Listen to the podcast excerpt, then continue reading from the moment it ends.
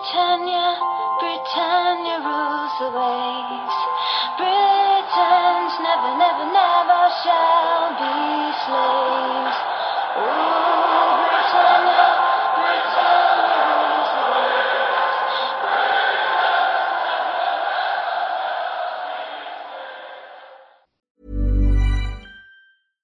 Sandra, and I'm just the professional your small business was looking for. But you didn't hire me because you didn't use LinkedIn jobs. LinkedIn has professionals you can't find anywhere else, including those who aren't actively looking for a new job but might be open to the perfect role, like me. In a given month, over 70% of LinkedIn users don't visit other leading job sites. So if you're not looking on LinkedIn, you'll miss out on great candidates like Sandra. Start hiring professionals like a professional. Post your free job on linkedin.com/people today.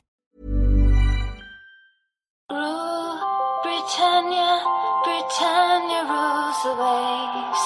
Britons never, never, never shall be slaves. Ooh, Britannia, Britannia rules the waves.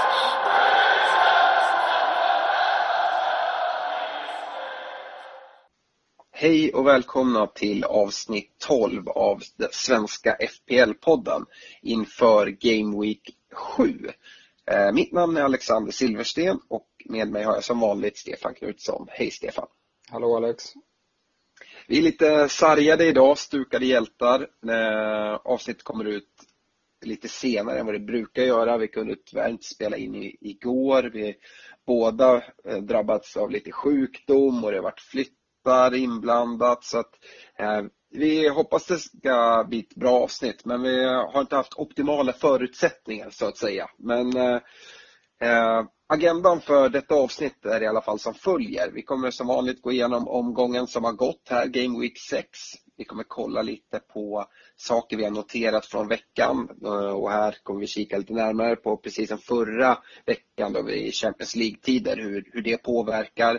Richarlison är tillbaka och gjorde sin första eh, start här efter avstängning. Vi ska kolla lite hur det gick och eh, kolla lite närmare på ligacupen som också varit igång kollar in på eh, vår liga och poddlaget. Hur har det gått för dem? Och veckans rekommendationer och lyssnarfrågor som vanligt.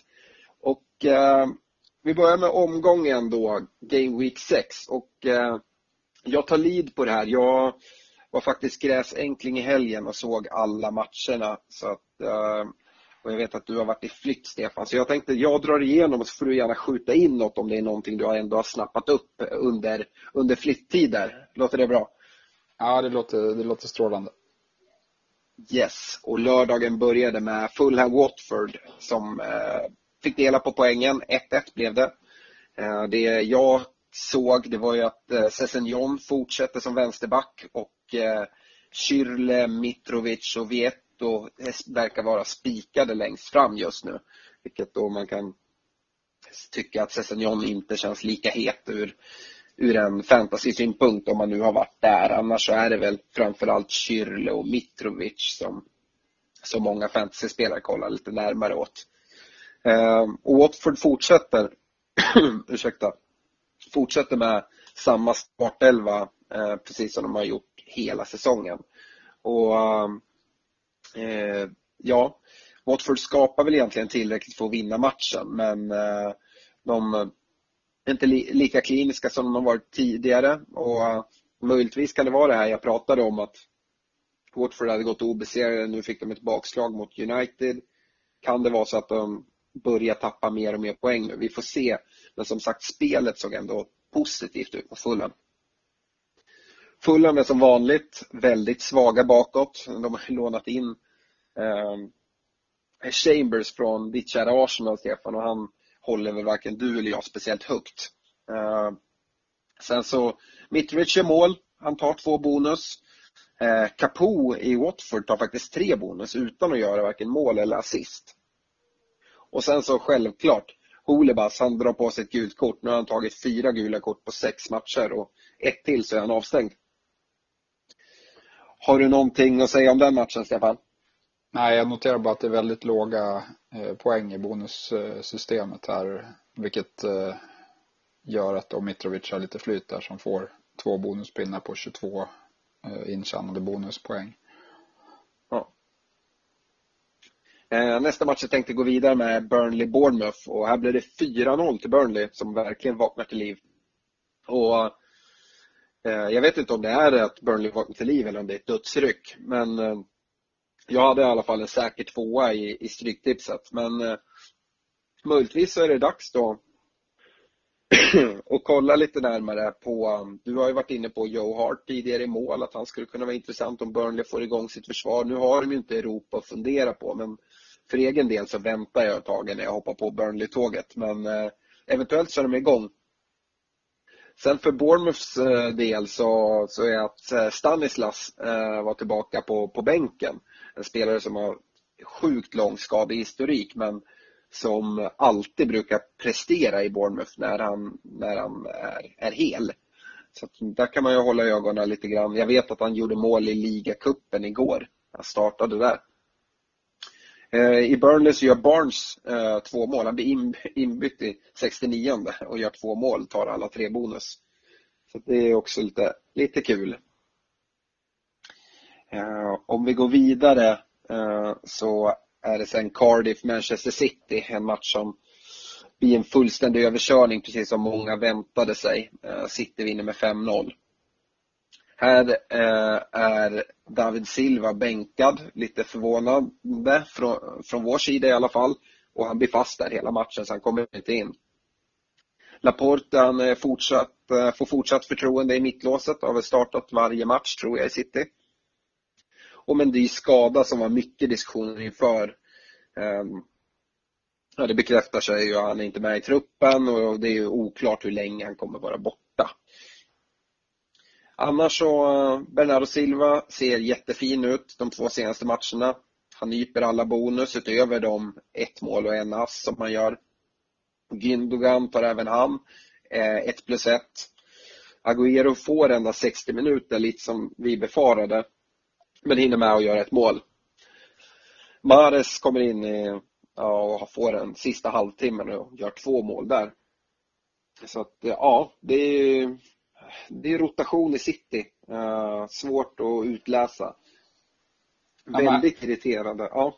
Här tycker jag ändå att man kan tillägga att som liksom, Citys spelare är ju intressanta även om de ibland blir vilade. Så liksom, jag har inga Eh, jag har rätt stora förhoppningar om, om David Silva fortsatt framöver också. Eh, och som man ser att det kan räcka med en halvtimme, 20 minuter för City-spelarna att komma in och, och, när matchen är mer eller mindre avgjord och, och göra två mål som Mares gjorde i den här matchen. Eh, men, men det är svårt som sagt. Jag har ju själv haft Gundogan i mitt privata lag eh, och eh, i förra omgången så så var det han som förhindrade mig från att få in eh, Fraser som tog 18 poäng från bänken. Eh, och den här omgången när han tog 13 pinnar, då hade jag ju självklart satt honom på bänken. Så det är inte helt lätt att navigera det där, eh, den där rotationen. Nej, det är surt och sen så tänkte jag säga det att det är väldigt irriterande med, med Pep som eh, inte ger några klarheter kring Mendys skada. Eh, det är någonting som jag stör mig väldigt mycket på. Och jag tror det är många fantasyspelare som, som stör sig på det. Helt plötsligt kommer han vara tillbaka eller så kommer han nu vara borta ganska många matcher. Det, man har ingen aning. Eh, men vi kilar vidare och kollar Crystal Palace Newcastle, en match jag inte har jättemycket att säga om. Den slutar ju också 0-0. Det man kan säga är väl att van Bissaka, han fortsätter dra på sig bonus. Han får dela på tre bonus tillsammans med Dubravka i Newcastles mål. Och annars så fick vi se prov på exakt det vi pratade om förra veckan, att nu när Newcastles schema lättar lite grann, eller börjar göra det, att eh, Rafa Benites defensiv, den, den är ju väldigt bra. Så att eh, det kan nog bli fler nollor på Newcastle och eventuellt kan man snart börja kika mot Newcastle-försvarare kanske i första hand. Ja, och jag, det är ju som, som du är inne på, det är bara understryker att man har en en 4,0 back från start som kan plocka tre bonus på rätt konstant basis. Det är alldeles för bra för att tacka nej till. Så van Bissaka är ett måste. Ja, det har varit inne på rekommendationerna tidigare så att uh, han, han ska bara vara i, i bygget. Eh, Leicester vinner med 3-1 mot Huddersfield. Eh, och Leicesters eh, fina spelschema som vi pratade mycket om förra, förra avsnittet börjar ju jättebra. Även om de släpper in 1-0 tidigt så vänder de ju matchen. Vardy och Ianacho gör varsitt mål och spelar fram till den andres mål. Tre bonus hamnar på Ianacho, två till Vardy. Madison gjorde också mål och knep sista bonuspinnen. Sen så på förra veckans kanon och kalkon så pratade vi försvarare och då nämnde jag Chilwell som ett bra alternativ medan många har vänt sig mot Pereira. Och det kan man väl säga nu att Pereira var bänkad i den här matchen. Så att, eh, det talar väl ännu mer för, för Chilwell om man ska välja någon i defensiva leden i Leicester. Chilwell var ju också den som eh, tog flest bonuspoäng i den här matchen utav backarna i Leicester så han ligger ju närmast till hans eh, för, för eh, att få bonuspoäng framöver också. Yes. Du, såg du den här, har du sett något från den här matchen? Bara, bara höjdpunkter för det var ingen tv-match. Nej, okej. Okay. Eh, vet du hur de formerade sitt lag där? Om det var tvåmannaanfall eller hur det såg ut? Jag törs faktiskt inte säga det, för det, det vet jag inte riktigt. Jag har bara sett målen eh, och lite höjdpunkter. Ah, Okej, okay. ja, men det hade varit eh, intressant att ta reda på det, tänker jag. Eh, det går ju lätt att kika upp. Vi kan kika upp det och lägga ut någon info om det på, på Facebook-sidan. Mm. Uh, uh, men vi går vidare. Uh, Liverpool Southampton. Liverpool går vinnande med 3-0 mot Southampton. Och här ser man väl lite av den här Champions League-rotationen då Gomes, Keita och Milner alla tre var bänkade. Dock så kommer alla tre då in och blir inbytta. Och sistnämnda Milner kommer in redan i halvtid då Arnautovic får kliva av efter en jättefin halvlek. Lite konstigt men Shakiri menar du va?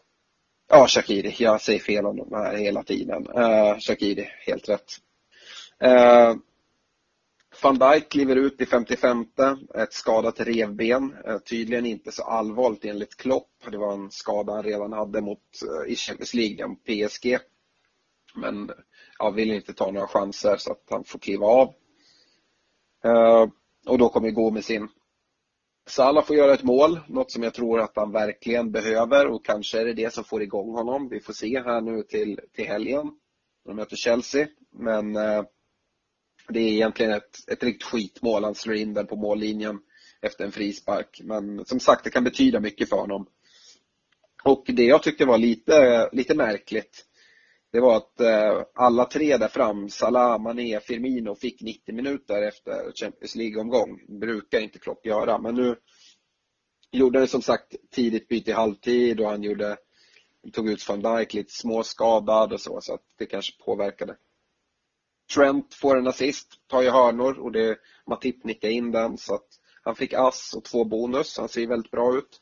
Och Robertson kniper en bonus, men just nu känns ju nästan Trent mer intressant eh, i Liverpools försvar till, till sitt pris också. Uh, sen så har vi Manchester United Wolverhampton som delar på poängen. Paul Trafford 1-1 blir det.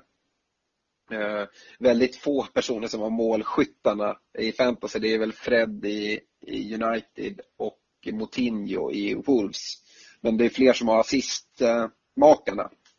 Det är Pogba i United och Eh, Raúl Jiménez i Wolverhampton. Eh, en ganska jämn historia och Wolverhampton behöver inte alls be om ursäkt för poängen som de knycker med sig. Eh, Shaw är tillbaka både i matchen i Champions League efter sin huvudskada i, i landslaget så spelar han Champions League i veckan och sen så startar han i, i den här matchen i Premier League så där kan man också vara trygg. Eh, sen så sista matchen på lördagen är Brighton-Tottenham. En match som Tottenham vinner med eh, 1-2. Kane gör mål på straff eh, som Trippier får ass på eh, tack vare att han slår en frispark som tar med handen. Och sen så eh, eh Lamela behövde inte många minuter innan han gjorde tvåan. Han kommer in och så är han bara inne någon kort tid innan han drämmer dit den. Sen så kan man ju tycka att eh, alla som har Spurs försvarare att det var lite onödigt för att de släpper in ett tröstmål precis i slutsekunderna. Eh, och därför tappar man nollan. Det är väl Trippier som är den som flest har skulle jag tro. Eh, Ali får ett inhopp, så han verkar vara tillbaka, men Juris saknas fortfarande i, i Tottenham och lite oklart hur länge han, han blir borta, men borde väl komma tillbaka hyfsat snart ändå, skulle jag tro. På söndagen har vi två matcher. Vi har West Ham-Chelsea som slutar 0-0 eh, och eh, Arnautovic missar matchen på grund av sin knäskada. Extra jobbigt och även Chicarito missar på grund av sjukdom och Carroll sedan tidigare är skadad. Detta gör ju att eh, Antonio tar platsen längst fram som kanske inte är den bästa avslutaren. Och West Ham har, har lägen för att faktiskt vinna den här matchen. Eh, även om Chelsea har jättemycket boll och passar runt så kommer de inte till så mycket lägen. Giroud får starta matchen för eh, Morata, men Morata Eh, byter av Giroud lite senare när de försöker testa och hitta, hitta vägen fram. Pedro missar matchen på grund av axelskada också. Eh, jag vet inte hur länge han blir borta riktigt, det är lite oklart.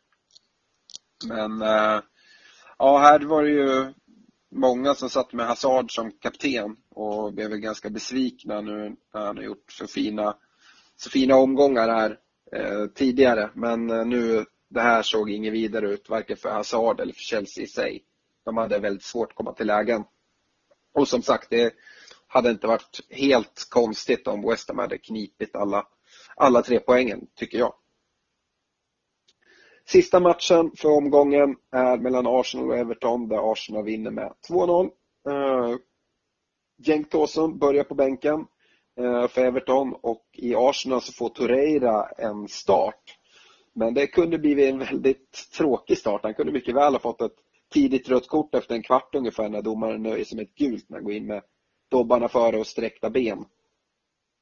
Men eh, han fick vara kvar och det gjorde ju att eh, Arsenal ändå hade rätt bra, bra chans till den här vinsten som de tar. Eh, däremot tycker jag Everton eh, spelar riktigt bra, framförallt i första halvlek. Ser väldigt frejdiga ut framåt. Men får inte in, in bollen helt enkelt. Eh, Ramsey står för två assist.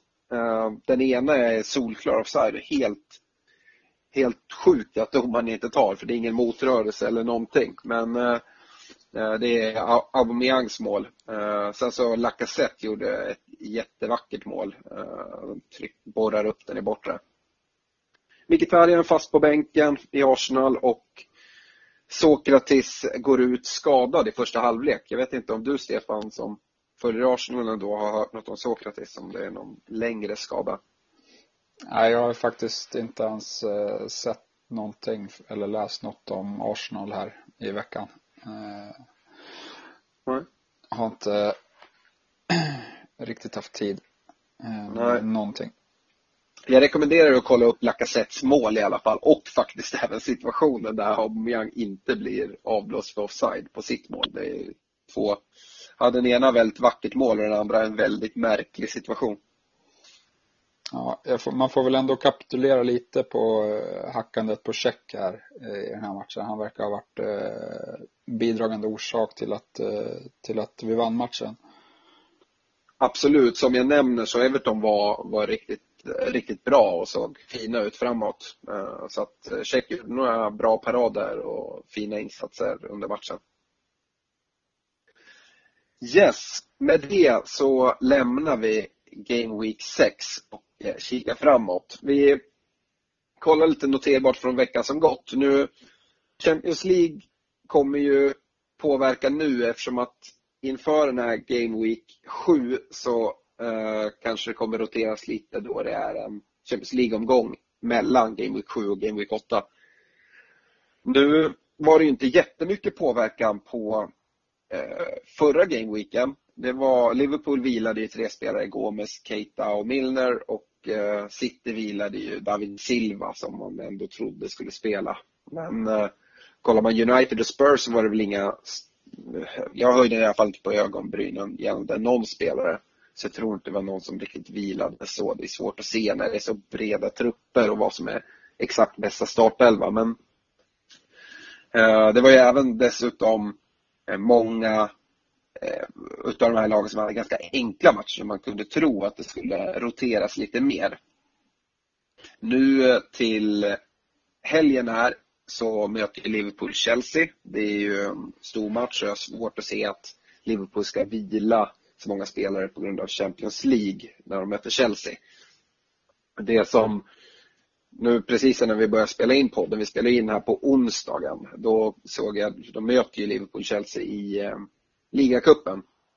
Och då spelar faktiskt Mané och Milner, så att de spelar ändå eh, en, en del av sina startspelare även fast eh, mycket, mycket A-truppspelare som kanske inte tilltänkta start 11-spelare. Eh, men eh, ja, Mané spelade som sagt och Milner spelade också. Ja, men det, var, det var en del, ja, Chelsea, en del eh, tilltänkta.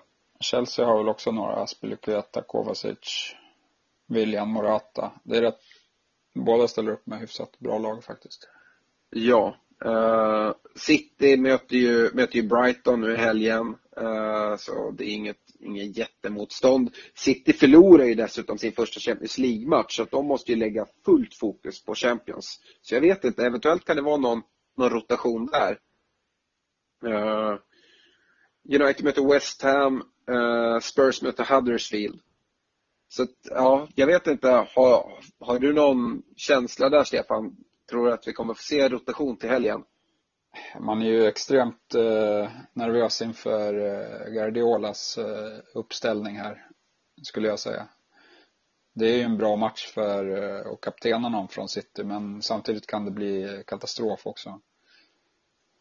Ja, jag känner att både City och Tottenham, de förlorar sina första Champions League-matcher och det är endast sex matcher och det, varje match är ju jätteviktig. Så att eh, United och Liverpool vann ju i alla fall sina premiäromgångar. Uh, så att ja, de kanske har lite mindre uh, tyngd på sig i, Champions. Vi, eh, vi får se helt enkelt, men eh, det finns en liten varningsflagg där kanske framförallt för, för City skulle jag säga. Ja. Det är det väl alltid i och för sig med deras rotation. Ja, och sen har de efter där, efter Champions League så har de Liverpool i ligan. Så det är också eh, liksom en anledning till att vilar man inte spelare nu mot Brighton då kan man inte vila på, på två matcher för att det är så pass eh, viktiga matcher. Ja. Ja, eh, vi får se helt enkelt hur, hur Pep väljer att ställa upp. I, en annan sak jag, jag noterade det var ju att Richarlison var tillbaka och han såg jättepigg ut. Nu gjorde ju inte han några poäng eftersom att Everton Eh, inte fick hål på Arsenal. Men eh, han såg väldigt pigg ut, framförallt i första halvlek. Eh, däremot så ser ju deras bortamatcher nu som de hade mot Arsenal, de är ju väldigt tuffa. Vi pratade om det förra veckan. Men Sen kommer ju nu hemmamatch mot Fulham till helgen och det är nästan så att man skulle kunna, skulle kunna se eh, eh Richarlison som ett litet eh, eh, kaptensval för att sticka ut lite, skulle det kunna vara. Eh, Fulhams defensiv är ju inte bra och han ser het ut. Och det skulle inte förvåna mig, kanske inte nu till helgen, men Tåsson fick sitta bänk eh, tidigare och Eh, Calvert Lewin kom in på topp. Imponerade väl inte jättemycket mot Arsenal. I landslaget så spelar ju Richarlison forward i Brasilien. Jag tror mycket väl han kan komma och spela central forward i eh, Everton här om inte allt för många omgångar. Kanske till och med nu till helgen mot Fulham. Så att eh, ja, jag tycker han känns väldigt intressant. Kommer han in centralt, då även i de här bortamatcherna tycker jag han är, är riktigt intressant att starta i, i i, i vårt fantasylag. Uh, ja, vi, vi får se helt enkelt. Men jag tycker Richarlison, man ska, om man bara kollar och ser att äh, men han fick bara två poäng, han gjorde inge, ingenting mot Arsenal, så tycker jag ändå att man ska ta med sig att han såg pigg ut och jag tror att han kommer leverera. Eh, sen så har vi ligacupen, eller Carabao Cup som den heter nu. Ja, jag såg att nu idag, onsdag, de som spelar onsdag och sen följande lördag nu i Premier League som har lite kortare spel, eh, vila. Det är Liverpool-Chelsea som spelar ikväll, Arsenal spelar ikväll, West Ham spelar ikväll, sen möter Tottenham Watford ikväll också. Så de spelar nu onsdag kväll och sen spelar de lördag. Så det är inte jättelång vila emellan. Så det är också sådana som kanske större, större risk till, till rotation i de lagen. annars kan man väl notera och väldigt starkt som jag tror ingen har missat som följer Premier League att United åkte ut på straffar mot, mot Derby eh, i, igår. Så att, eh, det var väl den stora skrällen, annars så klarar sig väl de flesta Premier League-lagen vidare. Har, har, du missat det Stefan eller uh, du som har fullt upp med andra saker? Men det kanske du har, har sett i alla fall att United rök? Ja, jag har sett resultaten, det har jag gjort. Uh, ja. så. Men jag har uh, ingenting, sen... att, ingenting att säga om, om det egentligen. Nej. Nej. Eh, sen ska jag bara slänga till, det hade jag inte skrivit upp, men eh, en annan noterbar sak i United-truppen är väl att det inte är full harmoni såklart efter att man åker ut mot Derby hemma på Old Trafford. Men eh, sen så dessutom så har väl Mourinho varit ute nu och det känns som att det är någon rejäl dispyt mellan han och Pogba och sagt att han gav ju honom vicekaptenrollen i United. Men eh, nu har han tagit ifrån honom den av någon anledning och säger bara, nej, det är jag som bestämmer och Pogba kommer aldrig mer vara kapten i Manchester United. Det läckte ut någon, någon video från någon träning där, där Mourinho stoppar honom när han kommer ut springande på plan. Pogba kommer ut jätteglad, ger high five med Michael Carrick och resten av eh, ledarstaben. Och sen springer han förbi Mourinho och då hejdar Mourinho honom och säger något. Och då ser Pogba helt frågande ut. Eh, och sen så säger de någonting åt varandra men ingen av dem ser speciellt glad ut. Så att ja, ja. Det är någonting är på väg att hända i United om det blir Pogba som ryker kanske till och med redan i januari eller till, till sommaren. Eh, eller om Mourinho kommer få gå. Eh, vi, vi får se men någonting är där. Det är jag helt övertygad om. Yes, Eh, vi får se helt enkelt. Eh, går vi in på poddligan så uh, har vi, eh, vi kan kolla topp tre. På tredje plats så ligger Donald Fallström med 453 poäng. Zlatan Klapic som var förra veckans ledare ligger tvåa på 459 poäng och en ny ledare i Miran Lurr med sitt lag Lurr FC han har, jag sa inga poäng alls tror jag. Eh, tredjeplatsen är på 453 poäng, jättebra siffror. Eh, Zlatan Klapic också 459 och ledaren på 469 poäng. Det är väldigt imponerande efter, efter sex spelade game weeks. Eh, ledaren tog 59 poäng den här gameweeken och det är imponerande om man kollar på hans lag som spelar med ett femmanna mittfält där den högst presterande mittfältaren tar tre poäng. Han tog alla sina poäng egentligen i försvar och anfall. Så eh, jag hörde av mig till Miran, som, eller ledaren, som, som, som vanligt och Miran svarade på, på mina frågor jag ställde. Och det är samma vanliga frågor. Första frågan är, planerar du något byte inför nästa Game Week och i så fall vilket? Och där svarar han att eh, jag har bytt in Kane mot Agüero men funderar även på att ta in Jiménez eller King i anfallet. Schürrle på mittfältet och Trippier och, och, och, mot Mendy. Nu, nu vet jag inte om man bara eh, nämner saker han är intresserad av att göra eller om man planerar att göra alla de här bytena. Det låter som väldigt många minus. Eh, men ett byte var gjort i alla fall som jag förstod det, att Kane har kommit in mot Agüero och det är väl på grund av Tottenhams fina matcher här framåt. Fråga två. Vilken kapten lutar åt inför nästa Game Week? Alla mina nyckelspelare lirar i Chelsea-Liverpool så funderar på att använda free hit. Det lutar mot Kane, men Agüero skulle annars vara ett, ett bra kaptensval. Och uh, Stefan, vad säger vi om free hit kasta in så här i Game Week 7? Nej, det gillar vi inte.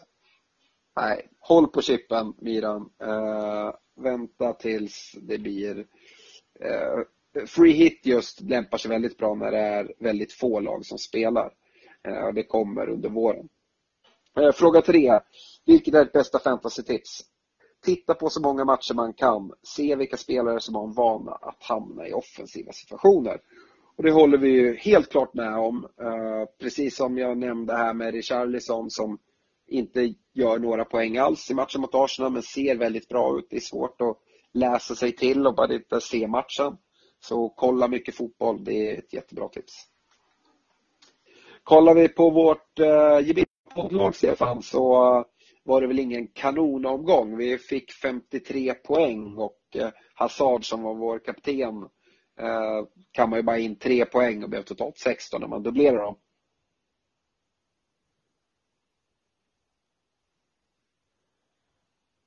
Hallå? Ja, jag är kvar. Ja, du är kvar, vad bra. Eh, nej, det blev inte så bra som sagt, men eh, vi, eh, vi är väldigt nöjda med det bytet vi gjorde där vi bytte in Madison istället för Walcott. Eh, Madison gjorde ju, gjorde ju en kasse där. Eh, sen så blev det ju ett autobyte när David Silva inte spelade och vi fick in eh, Neves men han tog ju inga, inga stora poäng. Kan även notera att vi gjorde fel målvaktsval som vanligt nästan kan man säga. Patricio tar tre poäng medan Fabianski tar elva pinnar men den var ju ganska svår att se komma mot, mot Chelsea där för West Ham. Ja, nej men det var väl den stora missen att vi missade på keepern och sen att vi hade lite otur med att Silva vilades när vi inte hade någon bra bänkspelare att få in.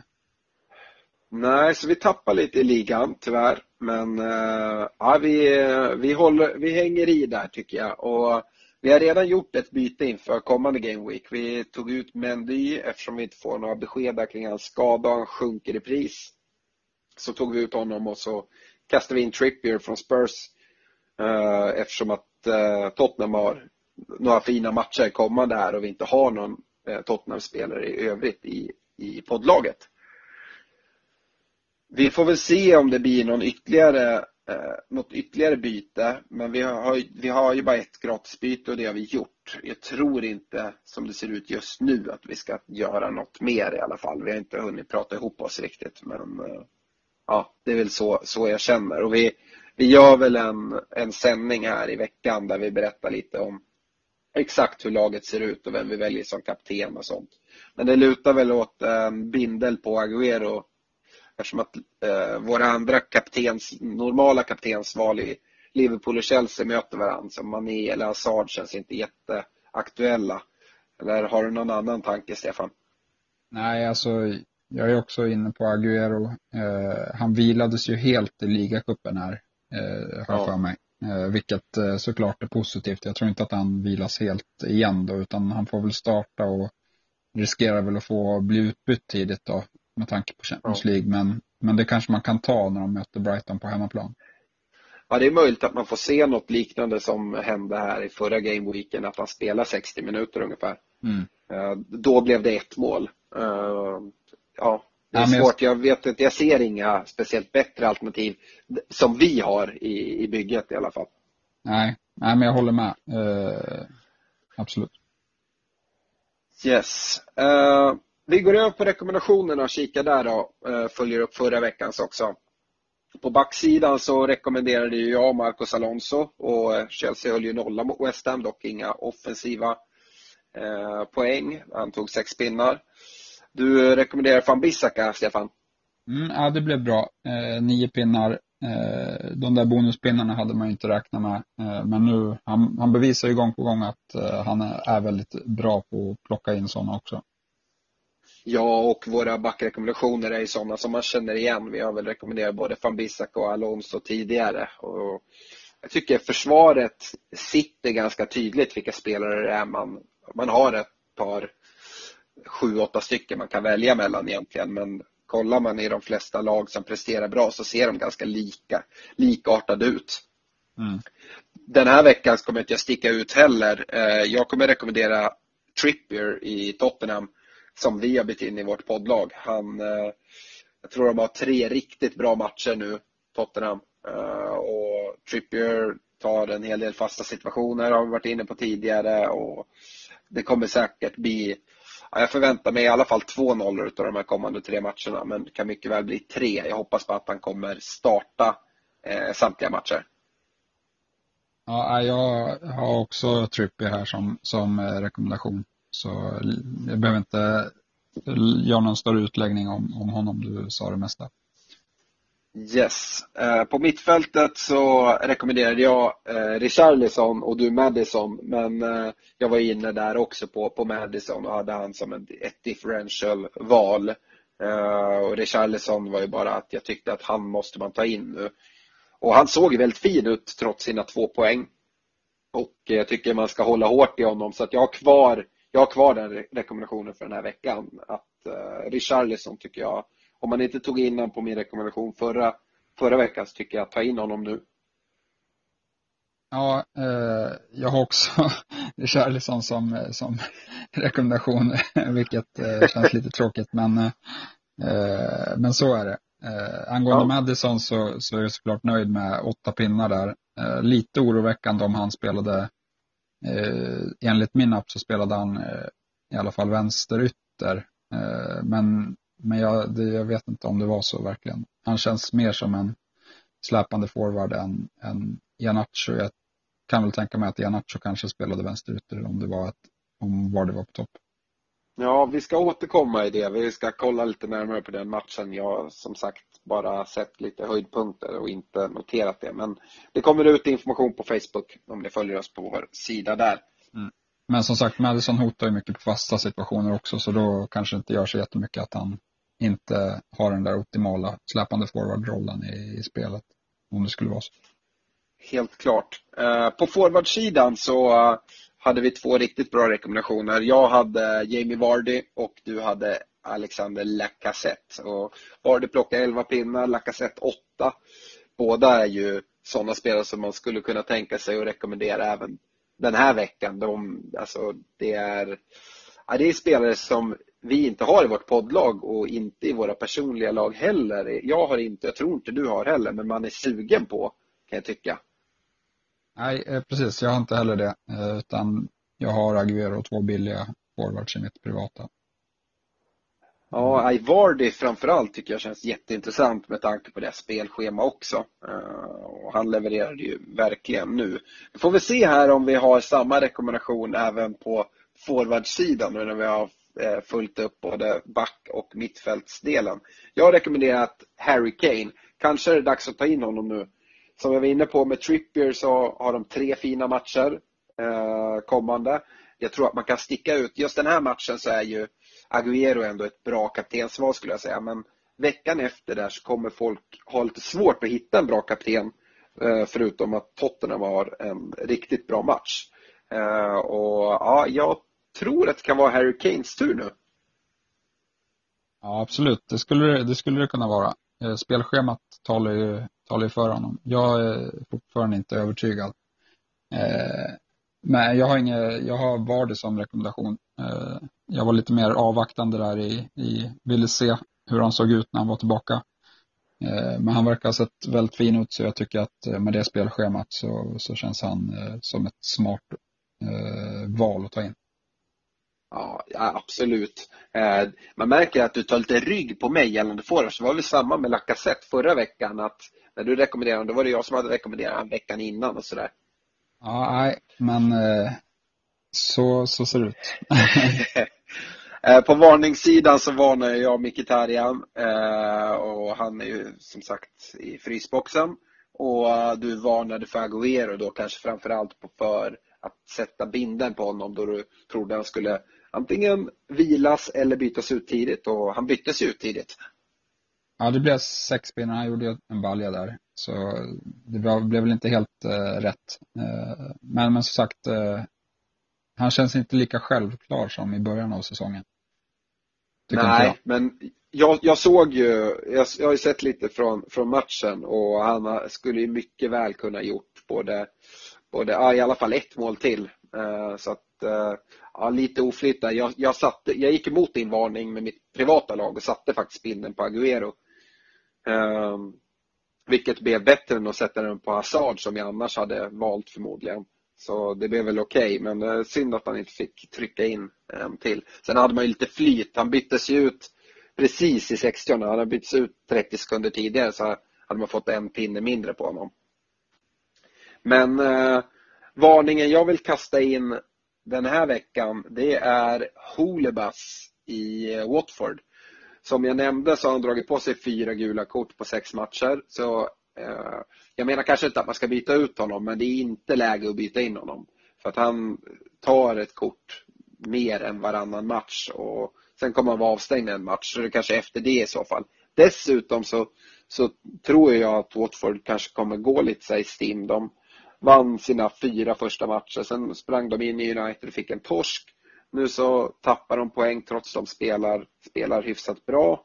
Eh, jag tror att det kan vara lite så här med Watford. Det har man i alla fall varit så tidigare. Så Holibats håller jag mig borta ifrån i alla fall.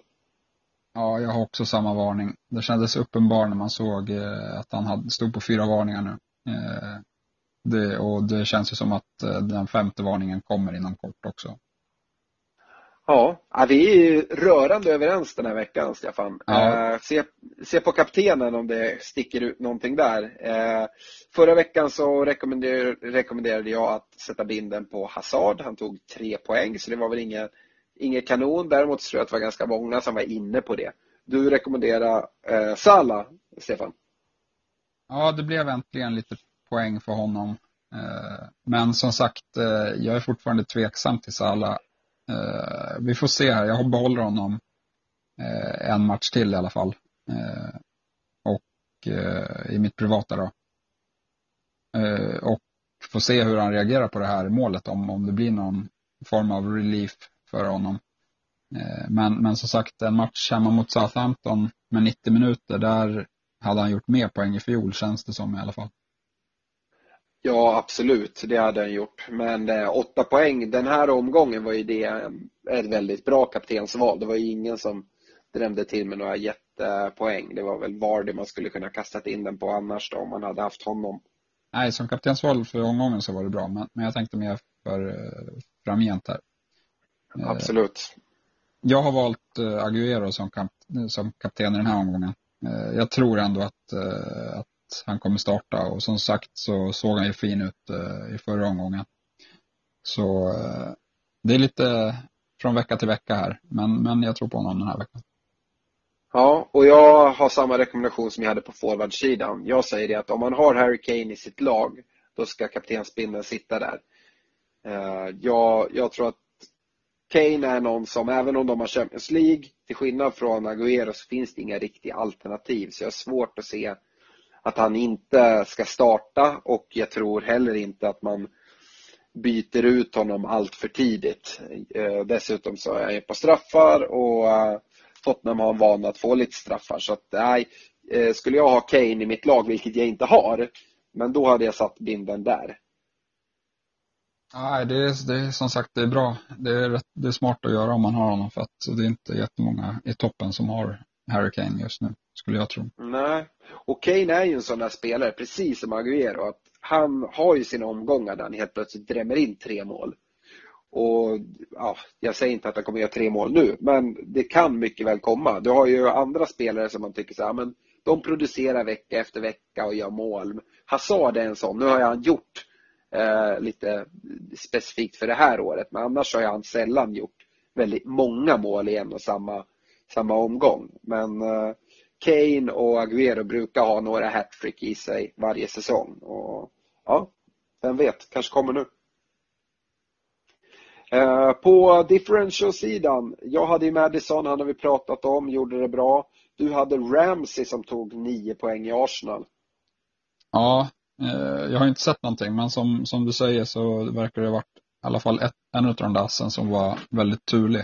Eh, så det blev lite bättre än, än, äh, än vad det borde kanske. Ja, och Ramsey är ju en spelare som jag tycker är väldigt bra, en väldigt bra fantasyspelare och gillat i många säsonger. Däremot i den här matchen tycker jag inte att Ramsey var bra. Han ska vara väldigt glad att han kommer iväg med, med nio poäng. Å andra sidan så tur eller inte, nio poäng är nio poäng de kommer vara där. Jag tror att Ramsey är en bra spelare att ha med Arsenals spelschema om man tänker på det och se på honom. Han är inblandad i en hel del framåt för Arsenal. Den här veckan, hör och häpna Stefan, jag ska ha en differential som har 0,0% ägarandel. Kan du gissa vem det är? Uh, nej, det låter spännande. Uh, Noll Nej, jag har ingen aning faktiskt. Nej, det här sticker ut lite och jag vet inte om jag säger att man verkligen ska byta in honom. Men jag kan inte låta bli att nämna Stanislas i Bournemouth. Han, eh, sett, sett till tidigare så har, eh, så fort han spelar så gör han poäng och det är lite utav en favoritspelare i, i fantasy för mig. Och nu, nu var han tillbaka. Han satt på bänken förra Game Week och han startade här i ligacupen och gjorde mål direkt. Så att eh, Stanislas på mitten, ja varför inte? Om man, där sticker man ju verkligen ut. Ja, det kan vara lite tidigt. Jag vet inte om han får starta, men, eh, men han är jätteintressant eh, om, om han startar. Han är ju som sagt alltid bra när han spelar. Ja, jag ville bara ta med honom just för att han hade 0,0 när jag kollade upp och ja, han är på väg tillbaka. Det är en fantastisk spelare. Jag vet att du gillar honom också Stefan. Och du brukar ju vara veckan efter och hänga på på min rekommendation så han kanske är ditt differential-val nästa vecka. Det, det, är inte helt osannolikt skulle jag säga. Eh, jag har hittat en, en spelare i, eh, i Manchester City som en differential här. I Raheem Sterling. Bara 3,3 procent som äger honom. Han har sett fin ut här i inledningen av säsongen. Jag tror att ja, det skulle kunna vara en bra kapten också i den här matchen. Eh, som sagt, mittfältare tar ju lite mer poäng ofta än, än forwards. Så jag tror han är ett starkt eh, val här det är det. Det som, det som jag tror många drar sig för gällande Sterling, det är hans pris. Man kollar, han kostar lika mycket som Agüero och man tänker, ja men dels med hans rotationsrisk när han spelar i City som de roterar så mycket på mittfält och så. Men i de matcher vad jag har sett så Eh, Sterling, fördelen med honom också är att han kan spela de matcher där de möter lite sämre lag och de spelar med, med sina wingbacks och inte spela med riktiga yttrar då Mares eller Sané blir väldigt lidande. Då finns det ändå plats för Sterling då han kan kliva upp och spela som centralforward bredvid Jesus eller Agüero. Så det talar verkligen för honom skulle jag säga. Ja, eh, och just jag ställer lite, eller i mitt personliga lag så ställer jag lite, jag överväger ändå att skita i Sala och då, då, då blir Sterling intressant skulle jag säga. Eh, Absolut. Och man har verkligen en differential där. Det är väldigt få som har hoppat på Sterling. Eh, så att, ja, absolut. Det är, det är intressant eh, tankegång tycker jag. Ja, hans Pep har uttalat sig en del om hans återhämtningsförmåga också. Nu efter VM till exempel så han pekar ut honom som att ja, han behöver typ en veckas försäsongsträning sen han är i toppform. Eh, och eh, det talar ju också för för honom att eh, han behöver kanske inte lika mycket vila som, som vissa andra behöver i City i deras eh, eh, många matcher. Ja, eh, vi, vi, det blir lite kortare avsnitt idag för att vi är inte hänga båda två och rösten inte bär. Men eh, vi ska hinna med några lyssnarfrågor tycker jag. Eh, Oskar Färneborg skriver in Mendy han tycker vi ska prata Mendy i 50 minuter, Mendy special efterfrågan. Ska man hoppa av tåget eller inte? Och även Lucas Burns fyller på och säger Ja, diskutera även vilka som är bra byten för Mendy. Tänker på Trippier, Doherty, Chilwell eller Shaw som lämpliga kandidater eller har, har vi några andra, Stefan? Eh, ja, nej, det, var, det lät ju som bra spelare. Eh, Trippier är väl kanske det uppenbara Eh, valet där. Eh, gå samma prisklass. Men eh, Doherty har ju fina matcher, ser ju jättebra ut också. Själv så tog jag in Trent Alexander-Arnold och hamnade med två Liverpool-backar, men det är bara tillfälligt skulle jag säga. Det var för att kunna finansiera Richarlison. Men, men som sagt, jag tycker Trent också är fin. Nu i matcherna talar inte för att byta in honom, men, men om två, tre omgångar så, så blir, vänder även Liverpools eh, matcher. Eh, och har man bra andra spelare så, så kan han, han vara intressant. Ja, du var inne där på Doherty. Jag, det är en spelare jag gillar väldigt mycket. Eh, och jag har hört en hel del diskussioner på forum och via olika poddar så här, där de pratar om att det kanske finns läge till och med att dubbla upp i Wolverhampton-försvar. Det låter ju konstigt, en nykomling och sådär, men de menar på att till exempel Doherty och andra ytterbacken Johnny, de, de bidrar med så mycket offensivt. Så precis som Alonso så behöver man kanske inte räkna med nollor utan för, för deras skull så är det för offensiva prestationer framåt. Sen så har de ju även eh, Boly som eh, tar jättemycket bonus där bak och dessutom ganska farlig på huvudet.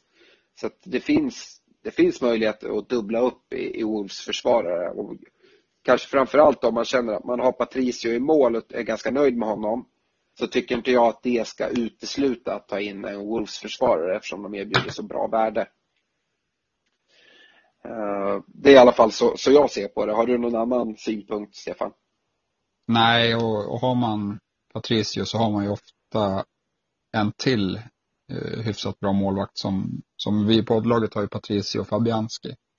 Och alla gånger kanske, alla veckor kanske man inte vill starta Patricio fast, äh, även fast man tycker att matchen ser helt okej okay ut och då kan ju Doherty vara fin att ha på, som back istället. Ja. Uh, yes, vi går vidare här. Uh, Jonathan Petrone kommer med en ganska invecklad fråga här kan, kan jag tycka. Men han skriver, sitter med Aubameyang, Firmino, Arnautovic i mitt bygge. Bör jag byta ut någon i min anfallstrio och om jag ska byta till en billigare spelare, i vilken lagdel bör de extra pengarna investeras? Och det jag menar med att den här blir lite krånglig, det är att säga att vart man ska investera pengarna när vi inte ser övriga laget. Det är alltid svårt när man får in de här frågorna. Men eh, om vi börjar där då. Aubameyang, Firmino, Arnautovic. Vem tycker du borde ligga närmast till att skeppa? Ja, vi har ju lite skadeproblem där med Arnautovic. Vi vet inte riktigt hans status. Men hans form är ju strålande. Så jag skulle ju avvakta in i det längsta på att få lite nyheter från honom. Eh, eller från hans sida. Eh, men däremot Obama Young eh, tycker jag inte har sett speciellt bra ut. Där tycker jag väl Lacazette, om man ska ta en lagkamrat, ser nästan mer intressant ut. I alla fall nu när Arsenal har lätta matcher. Eh, men det finns som sagt många andra forwards som, som kan fylla Aubameyangs skor med tanke på att han kostar väldigt mycket. Ja, där har ju Aguero i ungefär samma, samma prisklass också. Precis. Och pratar med Firmino och kollar exakt samma prisklass, då skulle jag nästan hålla Vardy högre än Firmino just i detta nu i alla fall. Ja, Liverpool har ju lite tuffa matcher. Mm, Firmino har väl sett lite bättre ut här på slutet, men, men som sagt, det är inga bra matcher där heller. Nej, det är svårt att säga hur han ska omfördela pengarna, men generellt sett kan man väl säga att eh, hittills i år så har det funnits väldigt mycket värde i försvaret, att premiumförsvarare. Eh, så att där skulle man kunna, jag vet inte hur ett lag ser ut, men där finns det, vi har ju nämnt flera eh, med, eh, om man pratar premiumförsvarare så har du ju Alexander Arnold eller Robertson i, i eh, Liverpool, du har Alonso i Chelsea, du har Trippier i, i Tottenham. Uh, har jag missat någon där i premiumsegmentet? Det har jag nog. Nej, jag tror inte det. Jag tror inte Nej. det. Men eh, Laporte börjar ju också se rätt intressant ut i city. Eh, ja. Han verkar... Ja, men dyr såklart. Fast jo. han ska ju inte byta in just nu.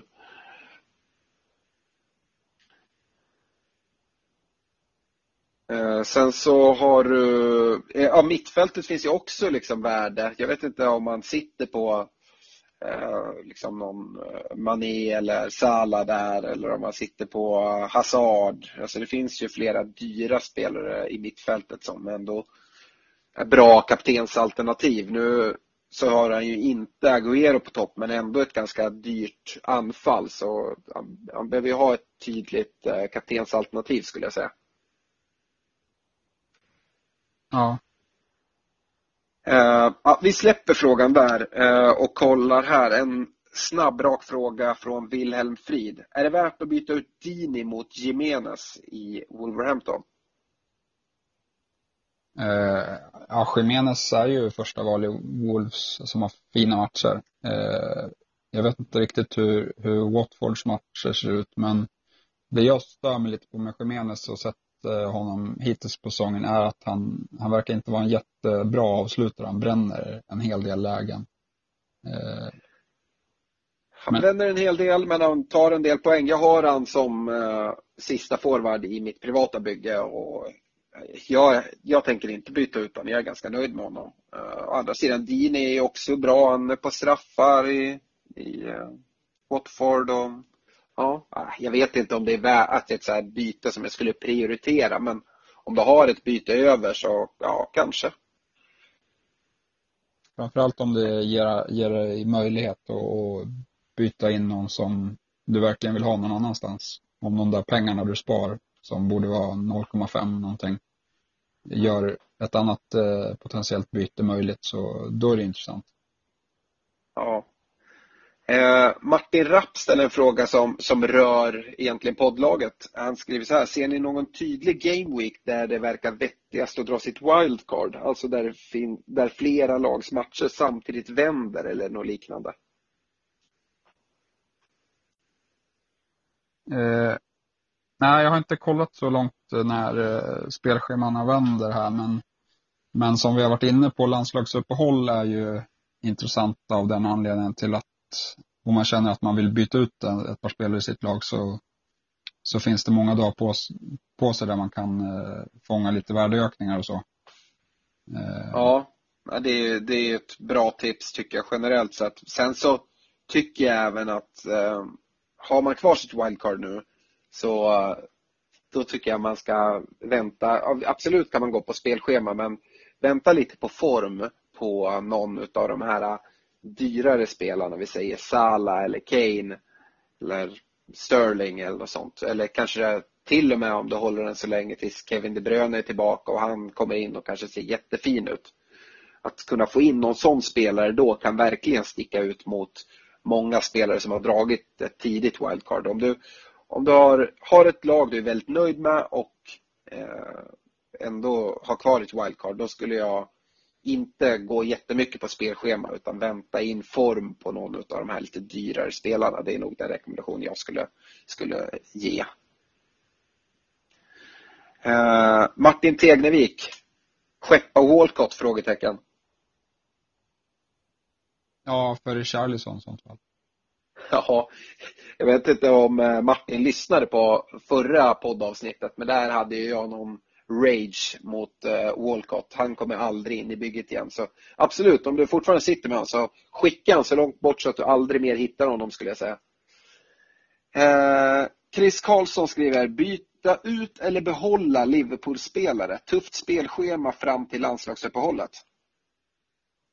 Ja, men samtidigt har man suttit på Mané till exempel så har man fått en hel del värdeökning och det blir tufft att man kommer få betala mer för att få in honom. Det, det är väl lite så för de flera i Liverpool. Jag tycker man kan, ja. jag tycker man kan ha lite kyla. Det är två svåra matcher, men sen är det, ja, vad får jag det till? Åtta matcher som eh, ser jäkligt bra ut, förutom Arsenal borta, men det kan bli mycket mål i Arsenal borta. Ja, och alltså här generellt sett tycker jag inte att man ska planera byten på så eh, liksom, dyra spelare på så kortsiktig nivå att man har två tuffa matcher eller sådär. Dels om man har haft dem länge som du säger och varit med på värdeökningar. Men även kollar du på Liverpool förra året, de matcher de presterade allra bäst i, det var ju mot eh, andra storlagen. Och det skulle kunna vara en differential det, det här, eh, den här veckan om man har Salah i sitt lag, att eh, sätta binden på honom mot sin, sitt gamla lag Chelsea jag, jag tror att om eh, i den matchen, om jag ska spekulera lite, så tror jag att Sarri kommer ju försöka hålla väldigt mycket boll och, och rulla runt och rulla runt och det kommer göra att Klopp kommer lägga sin gegenpress jättehårt. Eh, och det kommer pressa, pressa backlinjen i, i Chelsea som jag inte tycker ser helt säker ut. Och nu Rydiger missar eventuellt och kanske kommer det innebära att Cahill kommer in i mittförsvaret och han är inte så bekväm med boll.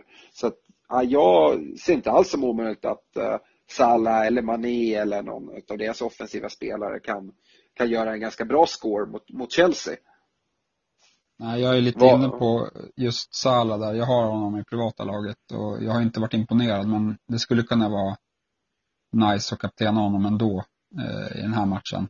Eh, vi får se hur det, hur det, hur det blir närmare eh, helgen här. Yes. Eh, en sista fråga hinner vi med, sen så stänger vi den här fabriken. Fredrik Halsjö skriver Din favorit Stefan, Rico, utbytt i paus senast, är någon att fortsätta med? Nu vet jag inte om det berodde på skada eller, eller så. Men det kanske var att han var bedrövlig i och med att de, eh, de låg väl under med 2-0 i halvtid. Eh, Ja, precis. Nej, men som sagt, jag vet inte om det var skadekänning eller inte, men om det var skadekänning och han är tillbaka, då skulle jag ändå behålla honom, för han har sett fin ut och de har flera bra matcher här. Eh, Men blir han bänkad här, då, då är det bara att byta ut. Ska vi se. Jag går in och kikar lite här samtidigt. Rico, jag ser, jag, spelade han ens i helgen? Jag vet inte. Jo, det, det gjorde han. Han byttes ut där mot Simon Francis. Eh, stämmer bra. Jo, eh, han byttes ut i halvtid som man skriver. Eh, ja, jag vet inte om det är en skada eller något. Jag har inte hängt med där. Men eh, ja. Tycker du, det är svårt att säga utan att ha sett matchen såklart eller om det är skada eller vad det är. Men om det inte är skada så nej, då tycker jag det är ingen man byter ut nu så här. Eh, Är det en skada så måste man ju se på hur länge han är borta såklart. Jag tycker man kan vänta. De har Crystal Palace eh, hemma. Eh, Crystal Palace har inte imponerat jättemycket offensivt eh, senaste matcherna. Jag tycker man kan, kan avvakta en match till i alla fall. Då får man besked på om man är eh, bänkad här eller hur det ser ut. Ja, eh, det var det vi hinner med för den här veckan, det här sjukavsnittet. Jag hoppas ni har kunnat stå ut med att lyssna på den här rösten som är lite förstörd från förkylning och jag har hostat till några gånger också.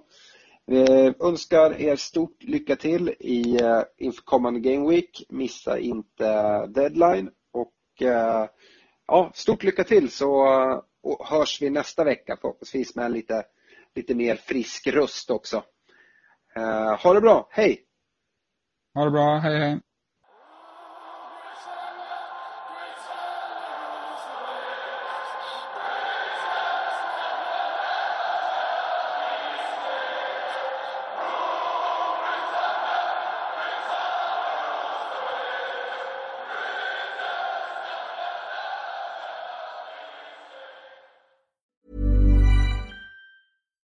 Deserves the best, and there's no better place to shop for Mother's Day than Whole Foods Market. They're your destination for unbeatable savings, from premium gifts to show-stopping flowers and irresistible desserts. Start by saving 33% with Prime on all body care and candles. Then get a 15-stem bunch of tulips for just $9.99 each with Prime. Round out Mom's menu with festive rosé, irresistible berry chantilly cake, and more special treats. Come celebrate Mother's Day at Whole Foods Market.